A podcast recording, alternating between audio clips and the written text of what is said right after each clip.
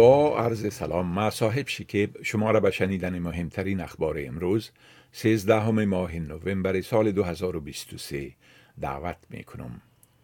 حکومت فدرالی می گوید که 80 نفر پس از آن از توقیف مهاجرت آزاد شدند که محکمه عالی توقیف نامحدود را غیر قانونی خواند.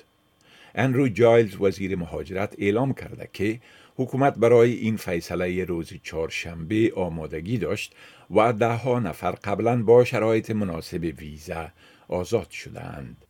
دو شفاخانه عمده در شمال غزه به روی بیماران جدید بسته شده و کارکنان می‌گویند که بمباران اسرائیل و کمبود مواد سوخت و دوا باعث خواهد شد که مردمی که قبلا تحت درمان قرار دارند جانهایشان را از دست بدهند. جمعیت هلال احمر فلسطین می گوید که شفاخانه قدس در غزه دیگر کار نمی کند. مقامات نظامی اسرائیل می گویند که دیشب 300 لیتر مواد سوخت را در نزدیکی شفاخانه الشفا قرار داده و رساندن آن را با مقامات شفاخانه تنظیم کردند اما مقامات حماس این ادعا را رد کرده و گفتند که آنها با مدیریت شفاخانه الشفا ارتباط ندارند و این شفاخانه از جانب وزارت صحت اداره فلسطینی مستقر در کناره غربی اداره می شود. پس از مظاهرات حامیان فلسطینی و اسرائیلی در آخر هفته در سراسر استرالیا حکومت فدرالی اعتراضات خود را در مقابل تقاضا برای آتش بس در شرق میانه کاهش داده است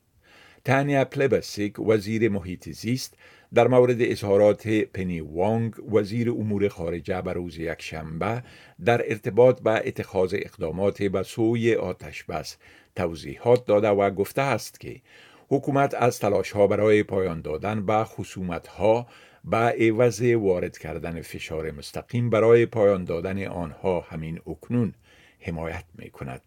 بریجت مکنزی رهبر حزب نیشنلز در مجلس سنا با برنامه Sunrise channel هفت گفته است در زمانی که جامعه استرالیا احساس ناامنی می کند این اظهارات سناتور وانگ ابهام برای تلاش به خاطر مخفی نگه داشتن واقعیت بود.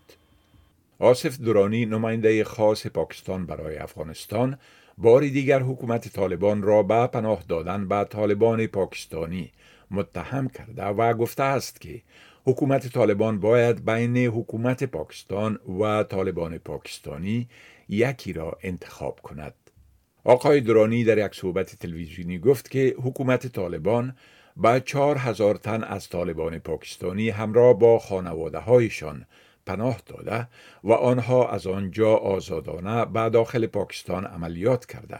و نیروهای نظامی و اهالی غیر نظامی را هدف قرار می دهند. او گفت که صلح در افغانستان به کابوس برای پاکستان مبدل شده است اما زبیح الله مجاهد سخنگوی حکومت طالبان با رد این ادعای آقای درانی گفته است که حکومت پاکستان هیچ گونه مدرک را در این رابطه در اختیار مقامات حکومت طالبان قرار نداده و علاوه کرد که این گونه ادعاها به روابط بین دو کشور صدمه وارد خواهد کرد. یک کمیته صنایع استرالیا در مورد قطع شدن ارتباطات اینترنتی و تلفن شرکت آبتس که باعث شد میلیون ها مشتری برای چندین ساعت به تلفن و اینترنت دسترسی نداشته باشند در هفته جاری تحقیقات خواهد کرد. سیرا هنسن یانگ سناتور حزب گرینز که ریاست این تحقیق را بر عهده خواهد داشت می‌گوید که کلی بایر رازمرین رئیس آبتس روز جمعه از جانب این کمیته مورد سال قرار خواهد گرفت. این بود خلاصه از مهمترین اخبار از برنامه دری اس آدیو. شما می توانید گزارش های بیشتر درباره موضوعات گوناگون را در وبسایت ما به آدرس sbs.com.au دری بشنوید و بخوانید.